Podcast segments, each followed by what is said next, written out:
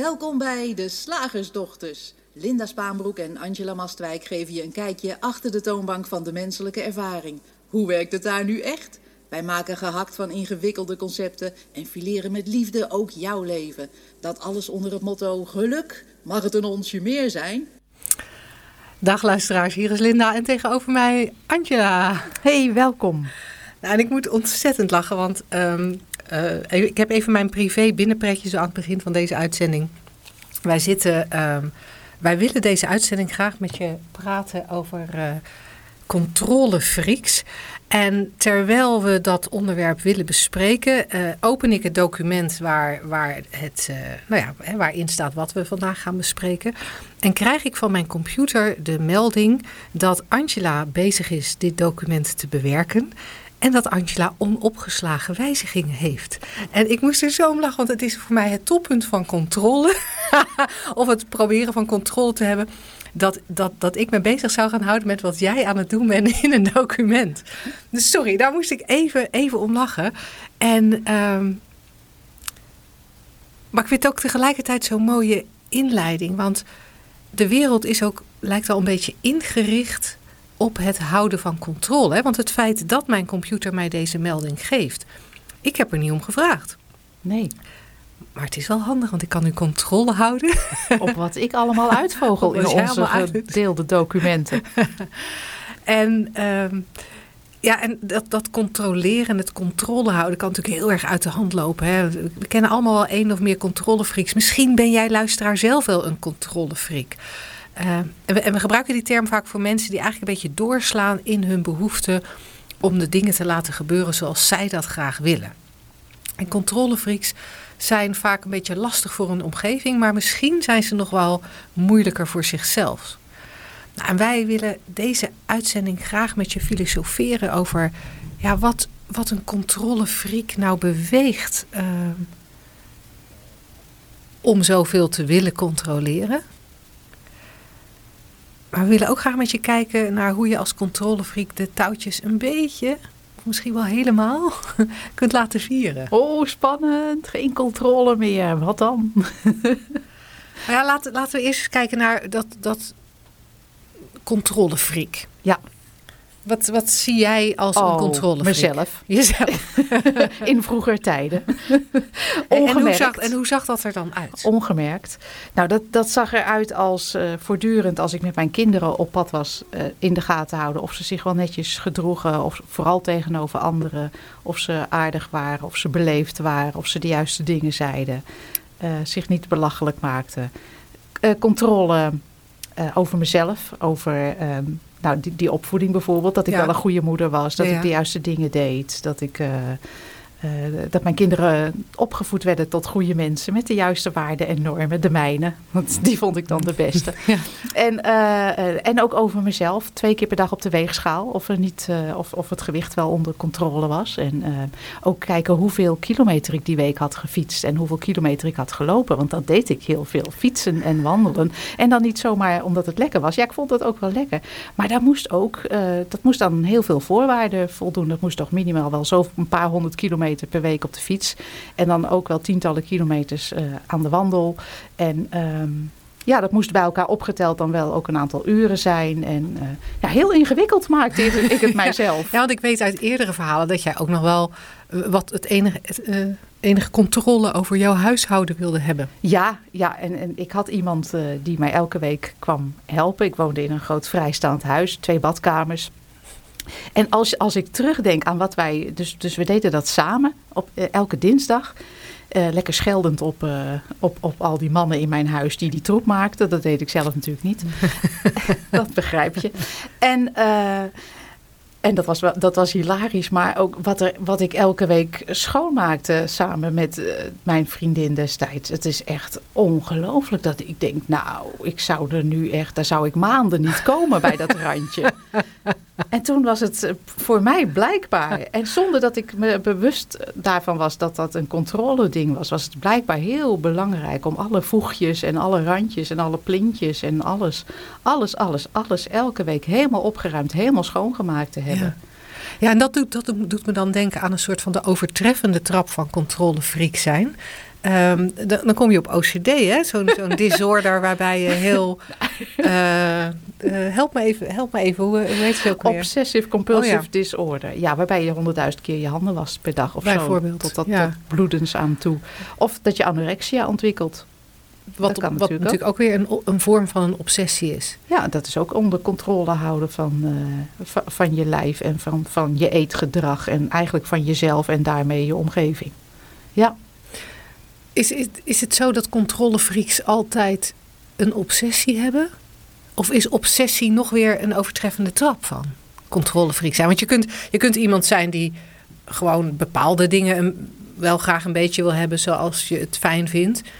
Je hebt iemand die daar echt spanning op zet, volgens mij. Dan kom je meer bij de controlefreak. Van het moet wel. En als het niet zo gaat, dan denk ik. Ja, ik, ik denk dat er heel veel onbewust en ongemerkt controlefriekerigs in ons zit.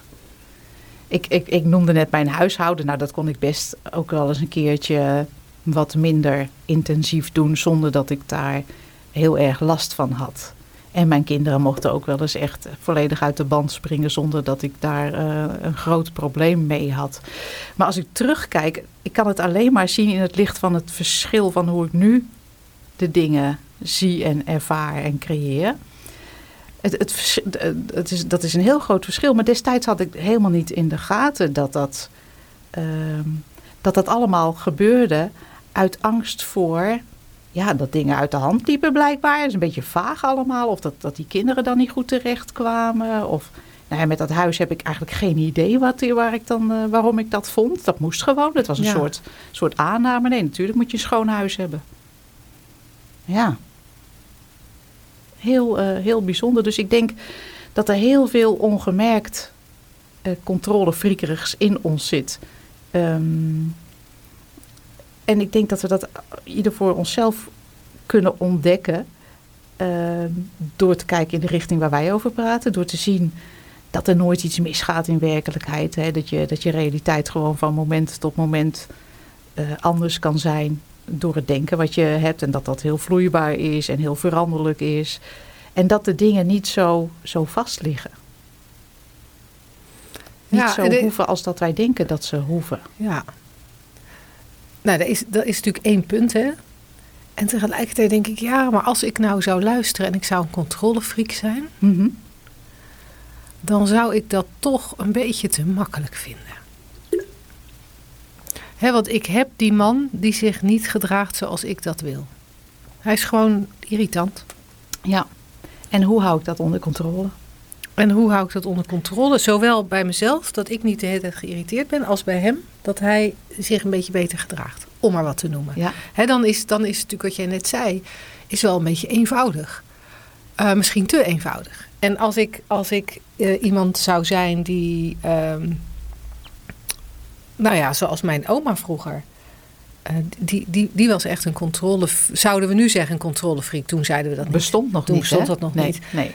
Een controlefreak als het om haar huishouden ging. Mijn, mijn oma was ook ontzettend, ontzettend uh, gericht op, op schoon. dat vond ze ook heel erg fijn. Maar wel tot in een graad dat ze, dat ze ook als ze moe was, toch moest poetsen. En ook als de kleinkinderen kwamen, dan moest het netjes zijn voordat de kleinkinderen kwamen, want er kwam visite. Maar dan kwamen die kleinkinderen met die vette handen, die moest je dan proberen onder controle te houden dat ze niet aan je net schoongemaakte kastdeurtjes zaten. Wat natuurlijk altijd mislukte met vijf kleinkinderen. Ja. Er was er altijd wel één die daar dan toch weer aan zat. Uh, ze had bijvoorbeeld ook, ik heb nog een beeld van haar slaapkamerkast, uh, die zo netjes, alles zo strak gevouwen was. Ik bedoel, een, de gemiddelde militair, je ziet in van die Amerikaanse films, zie je dat die militairen het allemaal heel strak moeten vouwen. Uh, waarom? Maar goed, en, en, en dat was bij mijn oma ook zo heel erg keurig. En waarom ging ik dit verhaal vertellen? dat het zo makkelijk allemaal niet is. Oh ja, en als je dan tegen mijn, mijn oma zou zeggen: Ja, maar oma, dat, dat hoeft niet hoor. Dat, dat kwam dan niet eens binnen. Want Nee. het was zo. Het zat zo vastgeklonken in haar denken. Dat, en in haar systeem dat dat moest. Dus ik, ik, ik ben even benieuwd van wat, wat, wat, wat zouden we nou kunnen zeggen of waar zouden we naar kunnen wijzen om onze luisteraars te laten zien van hé, hey, dat vastklinken doe je eigenlijk zelf. Ja. En terwijl ik zo zit te praten, denk ik ja, en dat, dat we iets vastklinken, dat doen we ook omdat er een, een gedachte onder zit. En niet, en dat zeg ik niet omdat, omdat ik heel graag wil dat je gaat zoeken naar wat zit er bij mij onder, wat drijft mij. Dat hoeft niet, want daar, dat vinden wij te veel werk, dat vinden wij te moeilijk. Maar wel om te, te herkennen dat er, dat er meer is dan wat we aan de oppervlakte zien. En hè, jij hebt natuurlijk veel ervaring met eetstoornissen en we hebben ook een online training over eetstoornissen of over anders omgaan met eetstoornissen. En, en bij eetstoornissen zie je bijvoorbeeld ook dat er vooral naar het controlegedrag aan de buitenkant gekeken wordt. En Ja. dat ziet er altijd uit als eten. Ja. En er wordt eigenlijk niet naar gekeken van hé, hey, wat gaat daaronder mis? Ja. en wat gebeurt er daaronder, onder die laag van dat gedrag wat we zien, waardoor iemand zich genoodzaakt voelt om dat te doen? Ja. Om, om niet te eten in het geval van een eetstoornis of om juist over te geven al je eten in het kader van een eetstoornis. Maar bij de, nou ja, bij de, bij de, de, de poetsers onder ons, die als een echt niet vanuit liefde, maar echt met, met, met een soort controledrang dat schoonmaken doen. Wat, wat, wat drijft dat gedrag wat we zien? En die onderlaag, dan zit je, vermoed ik, altijd op toch op iets van niet goed genoeg zijn. Ja. Ehm, en en, en dat, dat, daar kan je op allerlei verschillende manieren kom je terug bij niet goed genoeg zijn. Ehm, ja, wat zullen de buren wel niet van me denken? Of ja, maar anders ben ik geen goede moeder. Dan is die eh, misschien al wel weer eh, wat zichtbaarder. Maar ook bij iemand met een eetstoornis. Daaronder van blijkbaar ben ik niet oké zoals ik ben. Ja.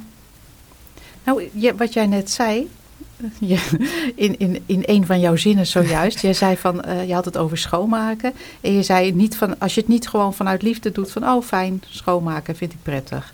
Maar vanuit een bepaalde angst of, of stramheid of controle, daar zit een heel groot verschil in. En ik denk dat dat belangrijk is om te benadrukken. Want kijk, ik heb nog steeds graag een schoon eh, huis als ik in een huis zit. Ik vind het fijn dat mijn camper schoon is. Ja. Ik zal nog steeds, als, ik, eh, al- als er iets vies is, schoonmaken. Of ook als het niet vies is, gewoon de boel bijhouden. Maar de motivatie is een heel andere. En wat jij daar net zei van vanuit liefde, dat is een heel andere motivatie dan vanuit ik ben niet goed genoeg, wat we maar eventjes onder de noemer angst vangen. Hè? Ja. Of onzekerheid. Hè, alle, het, is, het is het uitgangspunt. Waar, vandaan doe je het? Ja, en hoe, en, en hoe voel je dan het verschil?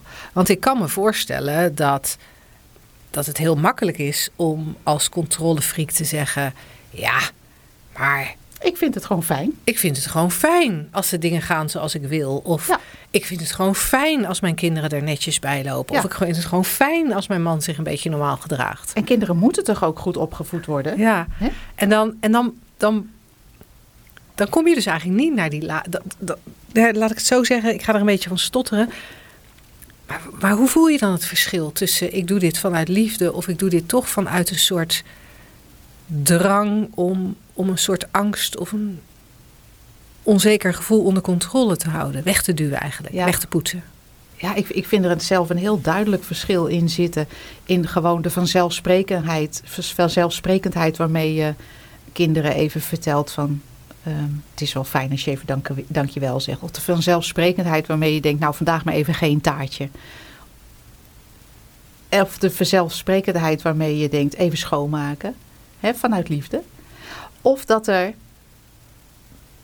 of dat je vanuit angst handelt. Dan zit er dwang achter, dan zit er een moeten achter, dan zit er een irritatie als het niet lukt, dan zit er verzet in als het anders gaat. En ja, die twee verschillen van, als uitgangspunt, dat is zo groot. Dus ik denk dat het handig is om te kijken van waar kom je vandaan in elk moment. Doe je de dingen omdat je bang bent dat er iets misgaat, omdat je bang bent dat men je op een bepaalde manier zou, zal bekijken. Of doe je ze vanuit een soort natuurlijk bewegen, vanuit vanzelfsprekendheid, van, zonder erover na te denken eigenlijk. Dat. Zou ook een aanwijzing kunnen zijn dat je ergens eh, op een controle manier mee bezig bent, als je er heel erg veel over nadenkt. Ja, dat denk ik wel, ja. En er veel gedachten bij hebt. Want ik kan me zo voorstellen als jij ehm, het huis waarin je tijdelijk woont zo'n beetje bijhoudt dat jij niet op het moment dat je op een terrasje zit met een vriendin of, of je partner, dat je dan nadenkt over het feit dat het huis nog schoongemaakt moet worden.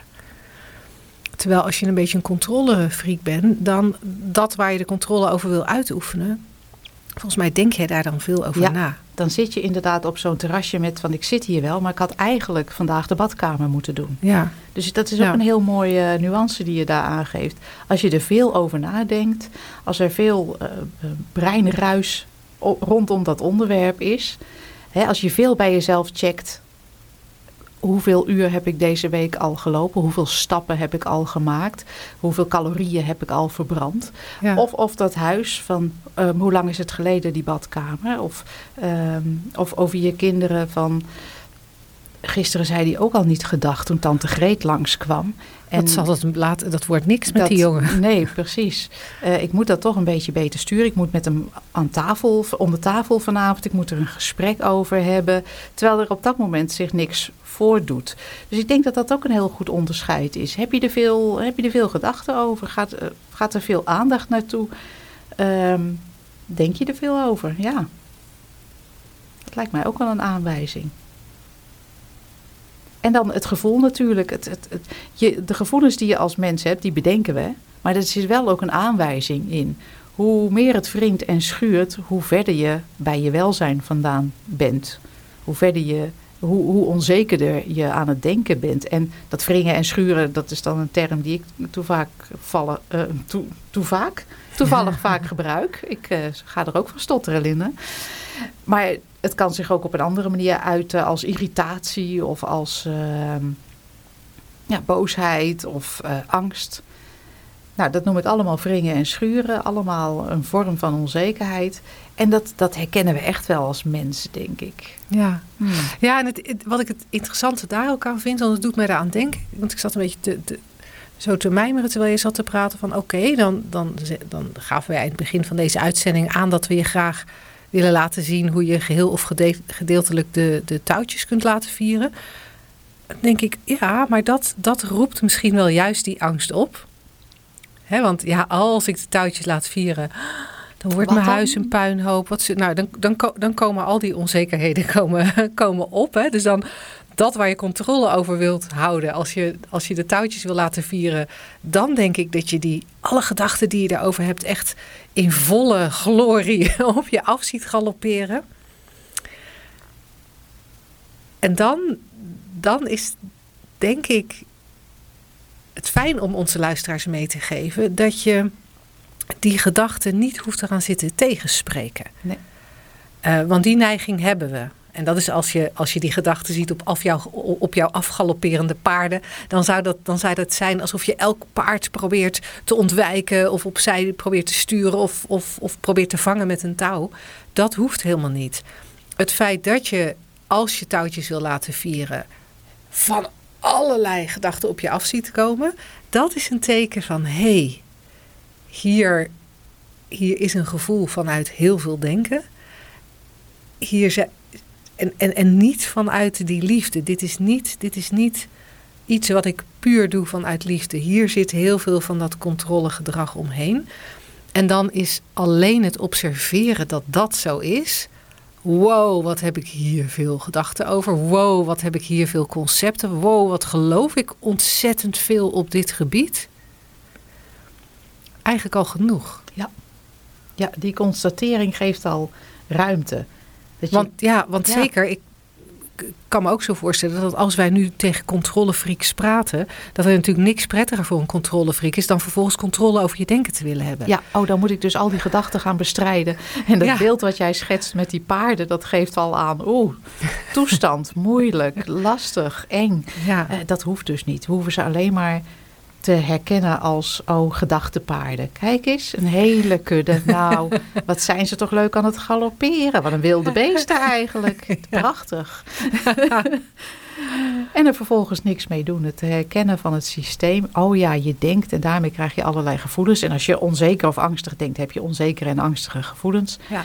Maar die kunnen je niks doen, hè?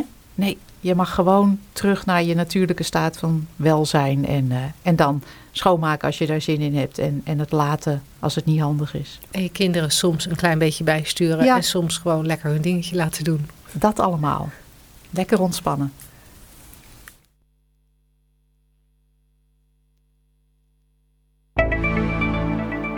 Zeg. Slagersdochters, wat zit er in de leverworst? Oftewel, tijd voor wat wetenschap. De wetenschap van deze week gaat over de drie principes zelf. De drie principes zijn het uitgangspunt van waaruit wij deze radioshow maken, van waaruit wij trainingen geven en stukjes schrijven en podcasts opnemen en weet ik wat allemaal niet meer. Drie principes, ik noem ze even. Uh, het eerste principe is de oneindige intelligentie van het leven zelf, waar we allemaal onderdeel van uitmaken, die we allemaal in ons hebben. Het tweede principe is bewustzijn. We zijn ons ergens bewust van. We zien, we horen, we ruiken, we proeven, we nemen kortom waar. En het derde principe is het denken. Het feit dat we onderscheid maken tussen licht en donker. En het feit, het resultaat daarvan is dat wij gedachten in ons hoofd hebben. En met, die, en met het denken en onze persoonlijke gedachten creëren we in elk moment een realiteit. Dus het is heel kort samengevat drie principes. Je leeft en je beleeft je gedachten. Drie principes. En daar wordt ook onderzoek naar gedaan, naar de effectiviteit daarvan. Hebben we al eerder over gepraat. Er was er onderzoek gedaan, ik geloof bij, ehm, ik weet het niet helemaal meer zeker, maar eetstoornissen dacht ik, of andere ehm, labels. Maar het onderzoek wat ik voor deze week heb gelezen, is een onderzoek in gevangenissen. In Engeland is er een, uh, een, een drie-principe trainingsinstituut, of hoe je het ook wil noemen. Coaches die met de kennis van deze principes de gevangenissen ingaan en met mensen praten zoals wij eigenlijk in deze radioshow ook tegen de luisteraars aan praten. Helaas is dat geen tweerichtingsverkeer. Dat is dat in die gevangenis wel, denk ik. En ik vond de titel van dit onderzoek echt zo mooi. Het heet namelijk in het Engels Teaching Health versus Treating Illness. Hm. Oftewel gezondheid onderwijzen. Hè, mensen erop wijzen waar, hun, waar ze hun welzijn kunnen vinden. En in tegenstelling tot wat er nu gedaan wordt, is zogenaamde psychische afwijkingen te behandelen. Ermee om te leren gaan, uh, pillen ervoor te slikken, te bestrijden. Er zit een groot verschil in, hè? Teaching health versus treating illness. En de ondertitel van het onderzoek is uh, de efficiëntie van drie principes bij uh, counseling in mensen, in, in gevangenissen. In, met gevangenen dus. En... Um, nou ja, het uitgangspunt is natuurlijk hetzelfde uitgangspunt als van waaruit wij ons werk doen. Dat mensen in gevangenissen in dit geval ook innerlijke geestelijk welzijn hebben. Wat zij eventjes niet zien. Ze hebben dat eventjes uh, ja, uit het zicht uh, laten gaan.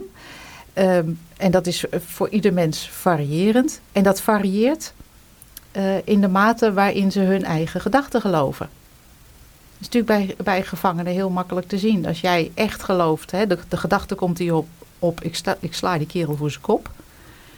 Als jij die gedachte gelooft, dan doe je dat misschien ook. En dan word je misschien opgepakt. Ja. Uh, komt die gedachte op en je denkt, goh, een gedachte. Of wat dan ook. Of je doorziet in ieder geval dat het simpelweg uh, het systeem is wat in jou aan het werk is, wat deze gedachte omhoog uh, brengt. Dan hoef je er niet uh, geen actie op te ondernemen, zodat je niet in de problemen komt. Dat is best handig. Vooral als je uh, vaak terugkomt in die gevangenis. Want dat gebeurt dan nog wel eens. Hè? Zolang mensen in hun gedachten blijven geloven en ze hebben veel gedachten van agressie of geweld of eh, verslaving. Ja, dan, uh, en je blijft dat geloven. Je blijft diezelfde handelingen doen. Dan blijf je maar weer terugkomen in die gevangenis. En daarom is de, wordt de effectiviteit van, de uit, van het uitleggen van die drie principes gemeten. Want stel je nou voor dat je zo'n gevangene voor je hebt en die leert en je gedachten, die hoef je niet te geloven. Hè? Dat is uh, gewoon, ja, je hele realiteit laat zien wat jij denkt. Ik moet echt die man voor zijn gezicht slaan, want hij is echt heel vervelend. Maar je hoeft het niet te doen, hè? Het is maar een gedachte. En er is niks mis met je. Je bent niet, uh, je hebt geen ODD bijvoorbeeld, wat een label is waarbij mensen dus constant tegen alles zijn. Ja. um, nou, het, onderzoek gaat ervan uit dat ook mensen in gevangenissen hun uh, innerlijke welzijn weer kunnen ja, aanwakkeren. Want, want dat, dat is eigenlijk een vonkje wat in ons allemaal zit. Een vonkje wat alleen maar even nodig heeft dat het aangewakkerd wordt. Vind ik een mooie omschrijving.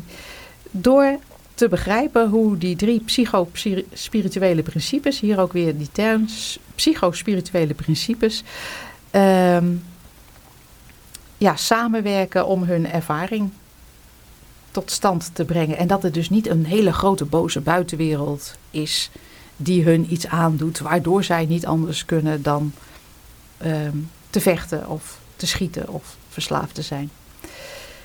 Nou, ze, hebben die, eh, ze gaan die drie principes dus onderwijzen in gevangenissen. Dat, dat gebeurt al. En ze gaan uitleggen in dit onderzoek, waar ik alleen maar de inleiding van heb. Want eh, het hele onderzoek zelf is wel te lezen, maar dat zit achter een, uh, achter een of andere link waar je voor moet betalen. Vond ik te veel moeite. Dus ik, ik, hou maar bij de inleiding. Want de drie principes kunnen wij zelf ook wel wat over vertellen.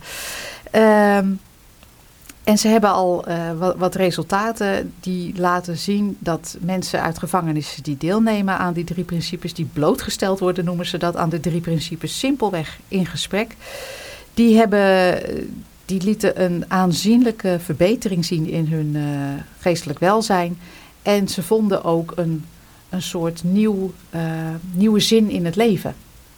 Niet zozeer van ik ga nu een multimillion dollar business opzetten.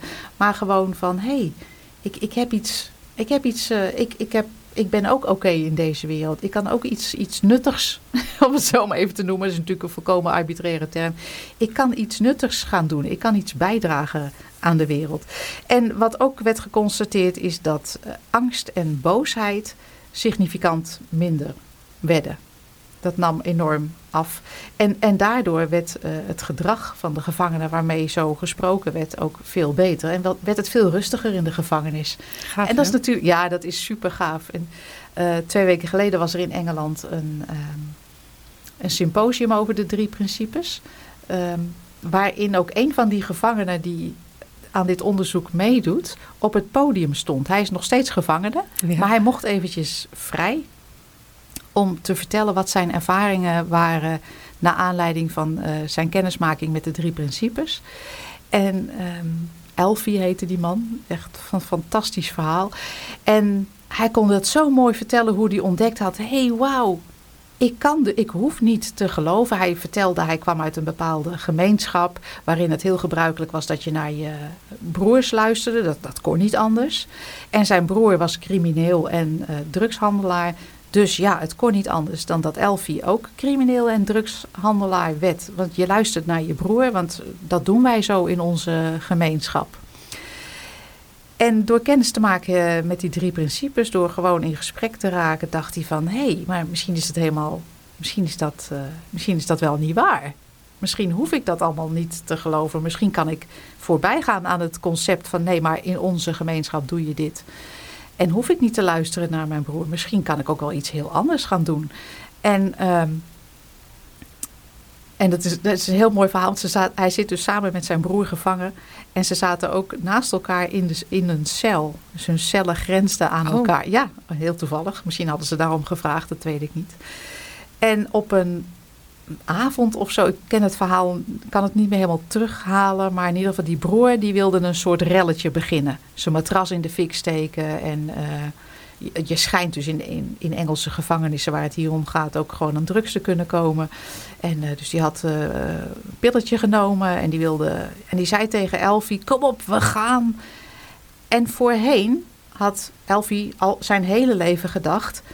Ja, dat moet, want dat doen wij in onze. Er was nog nooit een nieuwe gedachte in hem opgekomen dat hij iets anders kon besluiten. Maar op dat moment, omdat hij kennis had gemaakt met die drie principes. Oh, je beleeft je gedachten, niet de buitenwereld, ook niet je broer rechtstreeks of je cultuur rechtstreeks. Je bent helemaal vrij als mens om te denken wat je wil, om te doen wat je wil. En op dat moment zei hij tegen zijn broer: Nee, ik doe niet mee. Heel simpel. En eigenlijk stond, zette hij zich schrap. Hij dacht, nou, hij gaat me in elkaar slaan. Of hij gaat in ieder geval heel boos worden van... nee, maar je bent mijn broer en we zijn... En zijn broer zei, oké. En, die ging vervolgens die rel trappen... terwijl Elfie netjes in zijn uh, cel bleef zitten. En wat er vervolgens gebeurde is... Uh, hij, hij, was dus te, eerst heel erg verbaasd van zo makkelijk is het dus. Je kan dus ook gewoon ja iets nieuws doen als mens? Een nieuwe gedachte? Oh nee, ik doe daar niet aan mee, want ik wil, ik wil hier op een gegeven moment uit en een ander leven gaan leiden. Nee. En blijkbaar, ja, zijn broer vond daar helemaal niks van. Dus die ging gewoon in zijn eentje of met een andere gevangene die rel trappen. En Elfie bleef achter in zijn cel. En, en toen had hij ook een groot inzicht. En dat vind ik ook mooi om dat even te delen. Hij voelde zich even heel eenzaam. Want hij, hij had het idee, nu ben ik mijn broer kwijt. En hij realiseerde zich dat die eenzaamheid kwam alleen omdat hij dat idee in zijn hoofd had. Nu ben ik mijn broer kwijt. Hij zegt er was nog niks veranderd. Hij zat nog steeds in die cel naast me. Hij kon nergens heen. Ik kon nergens heen. We zitten hier vast. Maar het idee nu ben ik mijn broer kwijt gaf echt een golf van eenzaamheid. En hij realiseerde zich wat een onzin eigenlijk. Ik bedenk dit maar. Waarna ze het gevoel van eenzaamheid gewoon dacht: oké, dag. het verdween, het verliet hem. En ehm, ja, hij geeft nu zelf les in de drie principes in de gevangenis waar hij nog steeds uh, zit. Hij heeft ondertussen wel wat vrijheid om buiten de muren te werken en ook dus om blijkbaar om op de conferentie te spreken. Dat was heel ontroerend, heel mooi. En, uh, en ik vond het leuk om dit uh, onderzoekje even te noemen in de radioshow, omdat het zo laat zien hoe hoopvol het is dat ieder mens, hoe diep crimineel ook. Want dat was niet de eerste keer dat Elfie in de gevangenis zat. Hij had echt een historie al van 20 jaar gevangenis, in gevangenis uit sinds zijn vijftiende en verslaving ook. En hij is dus helemaal clean en uh, vast van plan om ja, een fijn leven voor zichzelf te gaan leiden met alles wat daar zo in, uh, ja. zich in zal voordoen. Maar je zag ook aan hem dat hij, dat hij echt wist van ik ben veerkrachtig, ik kan alles aan. En, en uiteindelijk kan ik alleen maar mijn eigen gedachten beleven. Dus ik ben vrij als mens en, uh, om, om iets heel anders te gaan doen. Ja, supercool. Ja, super echt heel mooi. Nou, mocht er iemand uh, luisteren die zegt: Goh, ja, die, die, die, die, die drie principes, wat houdt het precies in? Uh, ga dan naar onze website www.shiftacademy.nl of slagersdochters.nl. We hebben er twee. en download daar het boek Drie Stappen naar Geluk. Daarin leggen we die drie principes uit. En nou, kun je een beetje beter misschien snappen wat we ja. daar, waar we naar verwijzen. En wat ik ook graag wilde zeggen, als er iemand is die deze radioshow luistert en denkt: wow, dit is een goed verhaal over die gevangenissen. Ik werk in een gevangenis of ik werk in een jeugdinrichting. of nou ja, iets, iets in die richting. En het idee van het, het mensen aanleren van gezondheid in plaats van het behandelen van, uh, van, van ziekte of, het, of een aandoening. Dat spreekt mij aan. Dat zou ik wel bij ons uh, ook willen. Wij zijn absoluut bereikt, bereikbaar en bereid om daarover met je mee te denken of je daarbij te helpen. En nou, dan weet je ons te vinden op www.shiftacademy.nl.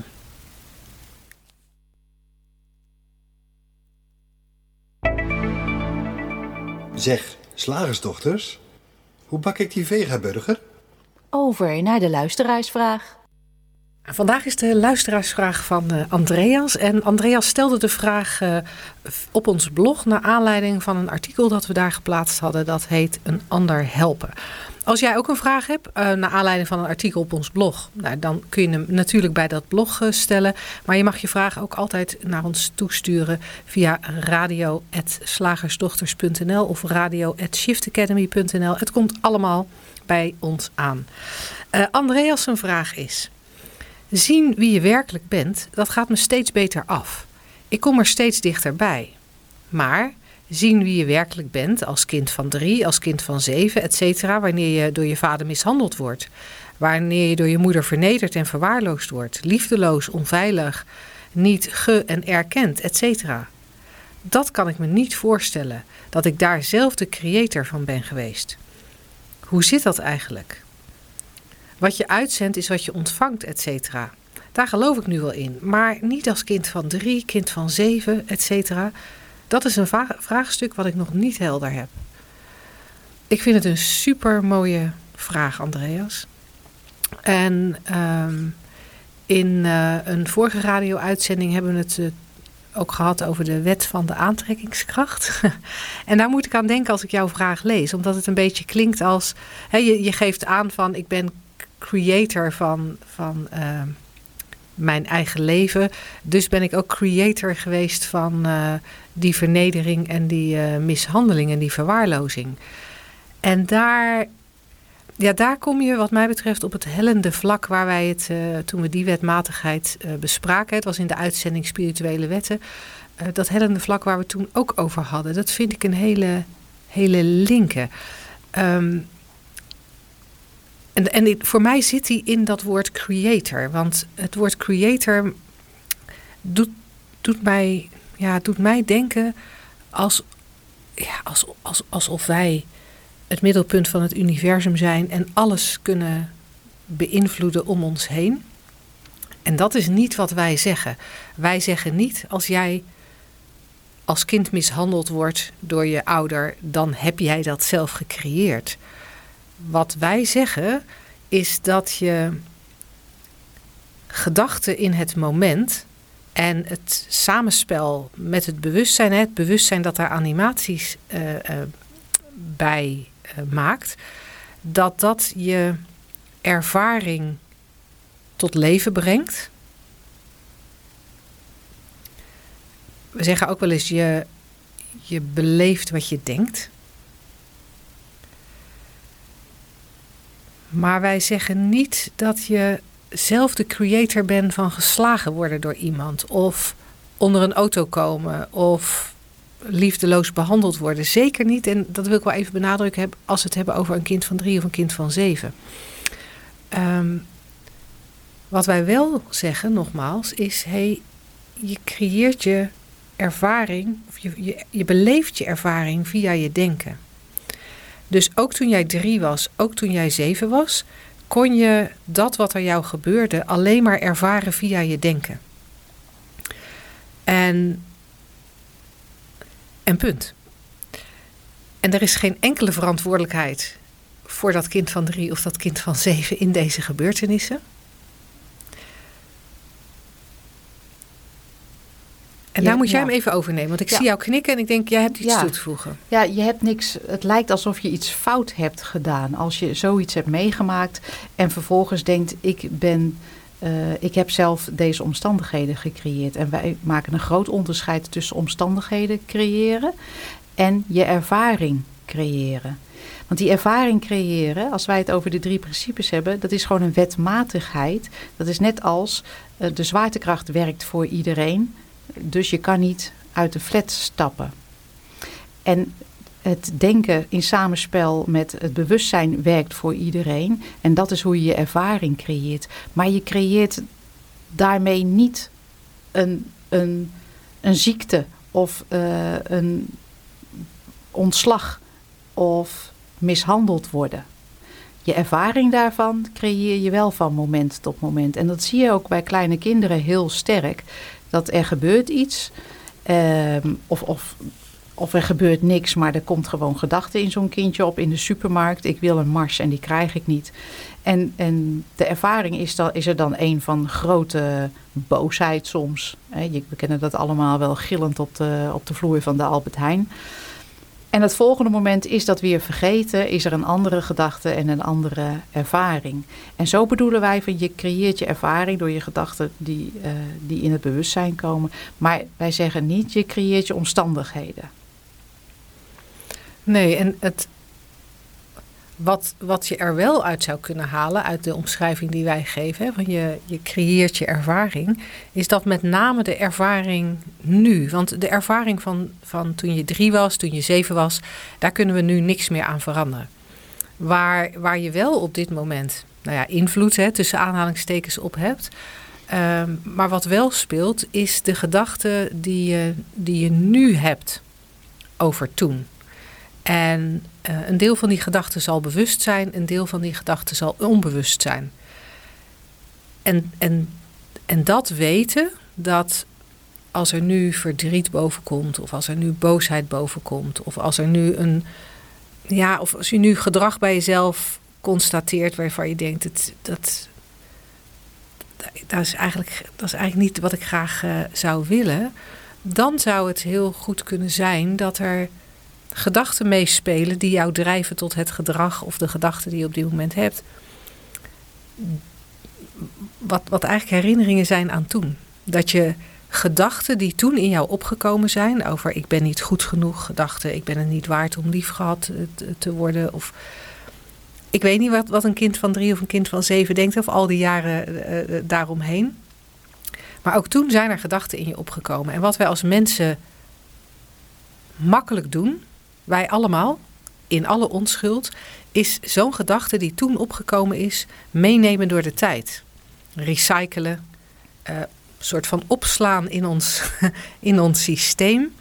Waardoor dat steeds als een soort uh, tickertape, noemen we dat wel eens. Zoals je als je naar RTL 7 kijkt, zie je onder in het scherm van zo'n zo'n stroom met informatie voorbij komen. Met de aandelenkoersen en met, uh, met het nieuws dat, dat gedachten die jij als driejarige hebt gehad naar aanleiding van het, de behandeling die je toen kreeg, of de omstandigheden waarin je toen verkeerde, dat je die gedachten nog steeds met je meedraagt als een soort tickertape.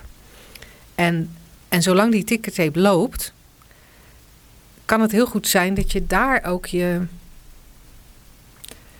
je nu op, op basis daarvan gedraagt, zonder dat je dat per se wil. Of dat daardoor er soms ook nog steeds verdriet of boosheid of, of wat, dan, wat dan ook is. Ja, ik denk dat het heel belangrijk is wat je zojuist zei. Je kan alleen nu iets ervaren. En als je nu iets ervaart van wat je in het verleden hebt meegemaakt, dan is dat inderdaad alleen een gedachte in dit moment en een gevoel in dit moment. En het is, kijk, soms gebeuren er in het leven, het leven is contactsport, gebeuren er dingen die we niet, die we voor niemand willen. En het mooie van dat soort gebeurtenissen is altijd, ze zijn voorbij. Ze zijn voorbij. Punt. En alles wat we daar nu nog omheen bedenken, de oordelen die we erover hebben, de meningen. Het, wat, het, eh, wat, wat we denken dat het zegt over ons. Wat we denken dat het zegt over, over, degene, over de dader. Uh, wat we denken dat het zegt over hoe we nu ons leven leiden. Dat is allemaal eigenlijk overbodige gedachtenruis. Ja, er zijn dingen gebeurd die je niemand toewenst. Punt. En nu is, net als Elfie net uit het, uit het verhaal, nu is een nieuw moment. Nu heb je de mogelijkheid om nieuwe, frisse gedachten te krijgen, want die zijn er altijd.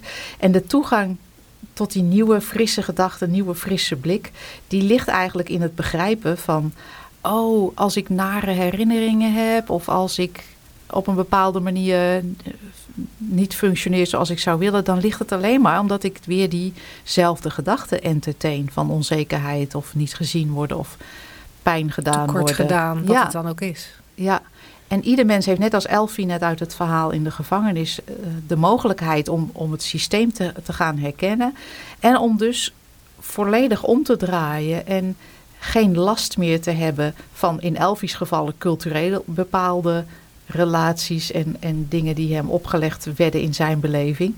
En in het geval wat hier beschreven wordt, om dat echt achter je te laten. Omdat je werkelijk ziet, het is nu, zoals jij zei Linda net, alleen maar een gedachte in dit moment, een herinnering in dit moment, die ik blijkbaar de hele tijd heb meegenomen, maar dat hoeft niet. Ik kan daar gewoon helemaal vrij van zijn, want het is maar een gedachte en er is in essentie niks mis met mij ja, dan kan er echt uh, een compleet andere ervaring ontstaan, een compleet andere blik en compleet ander gedrag, waarbij je ineens niet meer als basispunt, als basisuitgang hebt uh, onzekerheid of angst.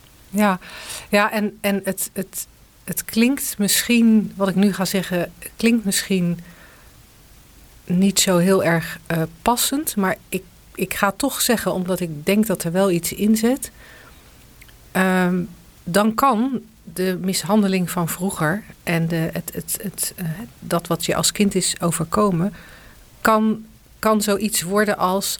Ja, ik, ik was vroeger een meisje met donkerblond haar. Ja. En, en Andreas was vroeger iemand die uh, slecht behandeld is, heel slecht ja. behandeld is. En nu ben ik een vrouw met grijs haar. En, en, en is Andreas wie hij nu is? Ja, en, en de, de, de essentie van het meisje en de vrouw en de jongen en de man is nooit veranderd, is onbeschadigd door wat er ook gebeurd is. Dat is altijd heel gebleven. Die gezondheid, die geestelijke gezondheid, is altijd aanwezig geweest. Ook al is die even niet gezien door het misverstand dat gedachten echt iets zijn in plaats van maar gedachten. Ja. En, en uiteindelijk geldt voor die ouders hetzelfde. Die ouders daar, ja, zoals Elfie en zijn broer, ja. geloof, geloven in de gedachten die zij uh, hadden slash hebben. Uh, hebben, hebben Andreas ouders ook daarin geloofd. En het is natuurlijk, hè, ik wil echt niks afdoen aan dat, dat het niet, het, nou ja, in mijn ogen mag dat niet. Mag je niet zo met kinderen omgaan. Maar ook zij hadden wel die gezonde kern in zich. Zij hadden ja. alleen zoveel gedachten. Ja, ja, Die, hen, die hen daarbij weghaalden en hen, en hen daarbij wegdreven. En wie weet is dat herkennen ja. ook wel helend.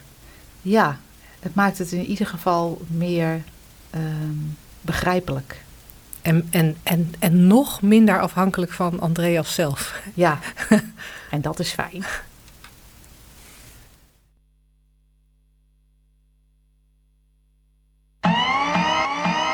Woensdag, gehaktdag.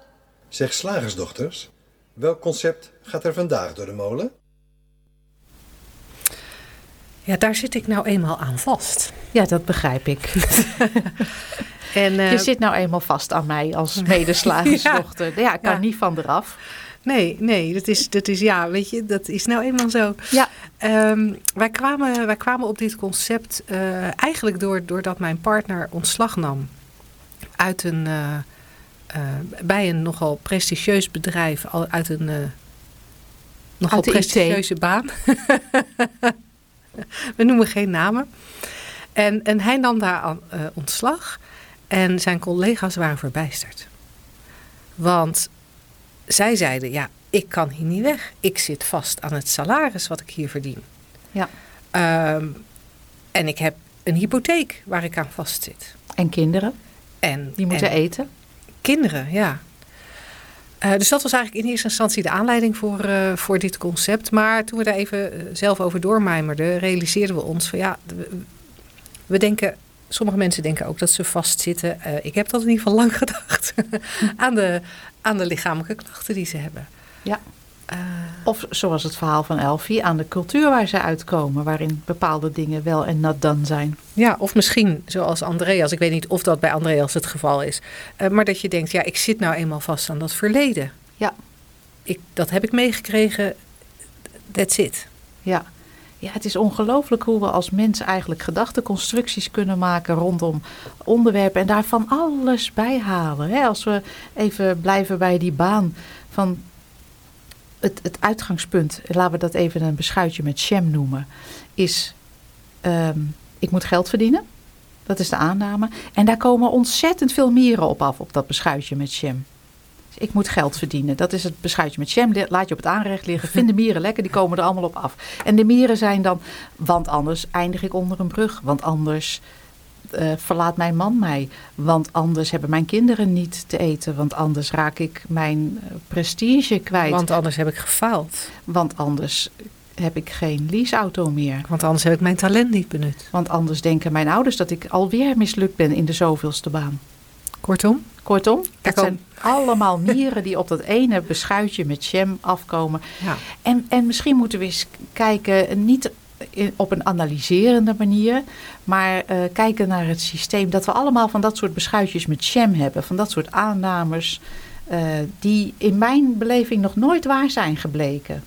Ehm, want we zitten in werkelijkheid natuurlijk alleen maar vast in ons hoofd. ja. Ja, ja en, en in een lijf voor zolang we leven. Dat is dan. Dat ja, maar die, maar die, is, maar die is voor mij natuurlijk ook een beetje tricky, omdat ik eh, 25 jaar chronisch pijn heb gehad. Ja. En van allerlei artsen en behandelaars te horen had gekregen dat ik daarmee moest leren leven.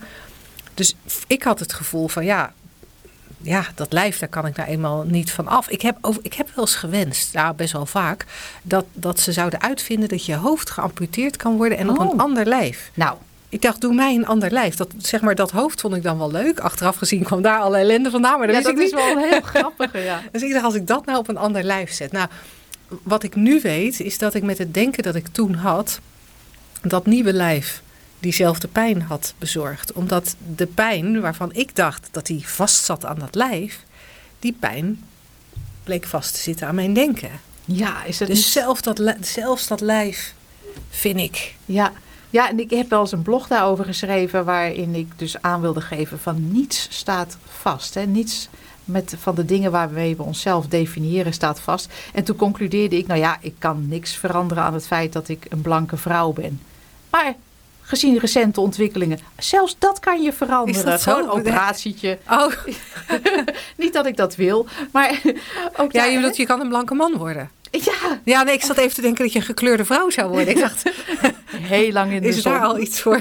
heel lang in de zon. Eh, of, of misschien zijn daar wel bepaalde pillen voor waarmee je een andere huidskleur krijgt, dat weet ik niet. je kan in ieder geval van zwart naar blank. Hè? Dat heeft Michael Jackson destijds eh, is bewezen. Ernstig Ja. geprobeerd, ja. Maar kijk, het, het feit, alle betekenis die we daar aangeven, van ja, ik ben nu eenmaal vrouw. Dat, dat is in, in deze fysieke beleving een gegeven. Maar alle betekenis die we daaraan vasthangen, is wat mij betreft ook maar wat ons hoofd eh, ons verteld heeft, al dan niet cultureel bepaald. Nou, en, en, dat, en dat is zo interessant, want ehm, zeker als je dan gaat. ik, ik moest ineens denken, en dat is bij, bij het beschrijven van jouw lijf is dat een beetje vreemd. Maar als je, als je dat fysieke lijf beschrijft, het concept vrouw beschrijft, laat ik dat zo zeggen. Als je het concept vrouw beschrijft, dan, dan, bes- dan beschrijf je fysieke kenmerken. Ja. En een van die fysieke kenmerken is, nou, een vrouw heeft borsten. Ja. En onmiddellijk merk je daarvan, nou dat is niet helemaal waar, want er zijn vrouwen die dat niet of vrijwel niet hebben. En er zijn mannen die borsten hebben. Ja. Soms door overgewicht, Man soms, boobs. ja, soms door overgewicht, soms omdat dat gewoon hun bouw is. En, en dan merk je alweer, daar ga je alweer met het, het beschrijven van het concept vrouw. Zelfs, zelfs dat waarvan we denken dat het fysiek is, borsten, zelfs dat is niet helemaal 100% passend. Dus ook dat is al iets wat we bedacht hebben om, om duidelijk te maken met wat vrouw is. Ja. Maar gaan we nog een stapje verder, ja, dan, dan gaan we het hebben over gedragingen die wij bij een vrouw vinden passen, eh, ehm, kleding die wij bij een vrouw vinden passen, rollen die wij bij een vrouw vinden passen, Ja. karaktereigenschappen die wij bij een vrouw horen, vinden horen passen. Hoe vaak, nou ja, ik wou zeggen, hoe vaak hoor ik andere mensen wel niet zeggen, maar ik, ik, heb, ik, ik zeg zelf ook wel eens, ik ben ook net een vent. en, en, en wat ik dan, wat ik dan in beschrijf, is dat ik een bepaald gedrag vertoon, waarvan ik bedacht heb dat dat gedrag bij mannen hoort, bij het concept man hoort. Ja. Maar het is allemaal bedacht. Het is allemaal bedacht. En, en we kunnen net zo goed iets anders bedenken. Waardoor onze realiteit er eh, in dat moment anders uitziet. En, en we ja, dus nergens aan vastzitten. Want als we zien hoe, hoe vloeibaar dat denken is. Hoe, ja, hoe er in elk moment weer een andere gedachte op kan komen. En dat we alleen ons alleen vastzitten daarin als we die gedachten geloven. Als we dat beschuitje met jam maar laten liggen als nee, maar dat kan. Nee, maar dat beschuitje met jam dat ligt hier nu eenmaal op het aanrecht. Nee, daar kan ik niet vanaf. Daar kan ik niet, niet vanaf. Maar als we een beetje dat systeem gaan herkennen van ja, we geloven maar wat hè. Ja. Hoe diep het ook in, eh, cultu- in onze cultuur zit, bijvoorbeeld als je het over vrouwen en mannen hebt, of wat wel en niet hoort. Of hoe, hoe lang we het ook geloofd hebben. Hè? Eh, in jouw geval met eh, chronische pijn 25 jaar. Hoe lang je er ook aan vast hebt lijken te zitten. Ehm, ook Mede doordat andere mensen, zelfs doktoren, bevestigden. Nee, maar ja, nee, logisch. Ja, sorry mevrouw, hier komt u niet meer vanaf. En kijk, dit zijn de fysieke uh, bewijzen en beschadigingen waardoor het logisch is. Um, en toch zien wij, jij en ik en de mensen die een beetje met ons meekijken en luisteraars van deze radioshow, steeds meer hoe ja, arbitrair het allemaal is. Hoe verzonnen het allemaal is. En hoe los, hoe alles daarmee ook op losse schroeven komt te staan. Op een fijne manier moet ik daarbij zeggen. Het kan in het begin wel eng lijken. Hè? Als je nergens meer. Wij horen dan ook wel eens van: oh ja, ik ga steeds meer doorzien dat alles, alles maar een concept is, dat alles bedacht is, dat deze hele wereld aan elkaar hangt van gedachteconstructies. En er vallen er steeds meer weg. Maar ik vind het ook een beetje eng. Want ja, ja uh, ik heb geen houvast meer. En dan is het wel fijn om te weten, ja, maar de houvast zit eigenlijk in het feit dat je herkent wie je achter die gedachte bent. Dat je daar altijd oké bent, geestelijk gezond, zoals we net in dat onderzoek zagen. En, uh, ja, en dat je een oneindige potentie hebt als mens om een nieuwe gedachte te krijgen, een frisse gedachte, een andere actie te ondernemen. Dat je dus echt zo vrij bent als een vogel. Ja, hoe heerlijk is dat? En um, toen viel het even stil. het is ook zo'n prettig, prettig idee dat je niet alleen aan een baan niet vastzit, maar dus nergens aan vastzit. En ik vind het grappig dat ik, ik zie nu al luisteraars hun laptop erbij pakken en een mail aan ons richten. Zo van, oh, dus ik moet maar van mijn man af, want ik zit ook niet aan hem vast. Ja, dat, het laatste klopt, maar het eerste is niet per se... De, nee, nee, want uh, ik hoop niet dat je in de verhalen die wij vertellen en het systeem waar wij naar verwijzen hoort, dat alles radicaal moet veranderen. Wij vertellen alleen maar dat het kan omdat je niet gebonden bent aan het denken wat je op dit moment gelooft. Ja, en ik denk dat een mooi, misschien een mooie toevoeging daarbij is dat zolang je, zolang je welzijn ervaart, ja. is er natuurlijk helemaal niks aan de hand. Als je welzijn ervaart, dat is waar we uiteindelijk allemaal naar op zoek zijn. En, en als je welzijn ervaart, nou, lekker dat welzijn blijven ervaren. Maar op het moment dat het schuurt en wringt. En ik kan me voorstellen dat bij een baan dat het schuurt en wringt. Dat het kan schuren en wringen. En dan kun je het gevoel hebben, ik zit eraan vast. Wat eigenlijk het, schuren en, het gevoel van schuren en wringen versterkt. Ja. Je zou je ook kunnen realiseren dat dat, dat, dat wat niet lekker zit, ontstaat door wat je denkt. En doordat je bewustzijn daar van alles bij animeert. Die geeft er geur, kleur, smaak en gevoel en emoties aan als je dat gaat realiseren, dan zou de blik op de baan kunnen veranderen. Ja. Um, dus dan, dan, gaat het, dan hoef je niet eens te focussen op ik moet hier vanaf. Nee. Ik moet mij focussen op ik zit er niet aan vast. Je zou ook kunnen kijken, hé, hey, mijn ervaring van mijn baan ontstaat door mijn gedachten. Ja. En als ik dat weet, en als je daar inzicht in krijgt, dan zou het zomaar kunnen zijn dat je hernieuwde, hernieuwd plezier in je baan vindt. Ja. Het zou kunnen zijn dat je een inzicht krijgt waardoor je zelf ander gedrag gaat vertonen op je werk zonder dat je dat in de gaten hebt, waardoor mensen anders op jou gaan reageren. Het zou kunnen zijn dat je inzicht krijgt en een goed idee krijgt om, om iets aan te pakken op je werk, waardoor dingen veranderen zodat het prettiger voor je wordt.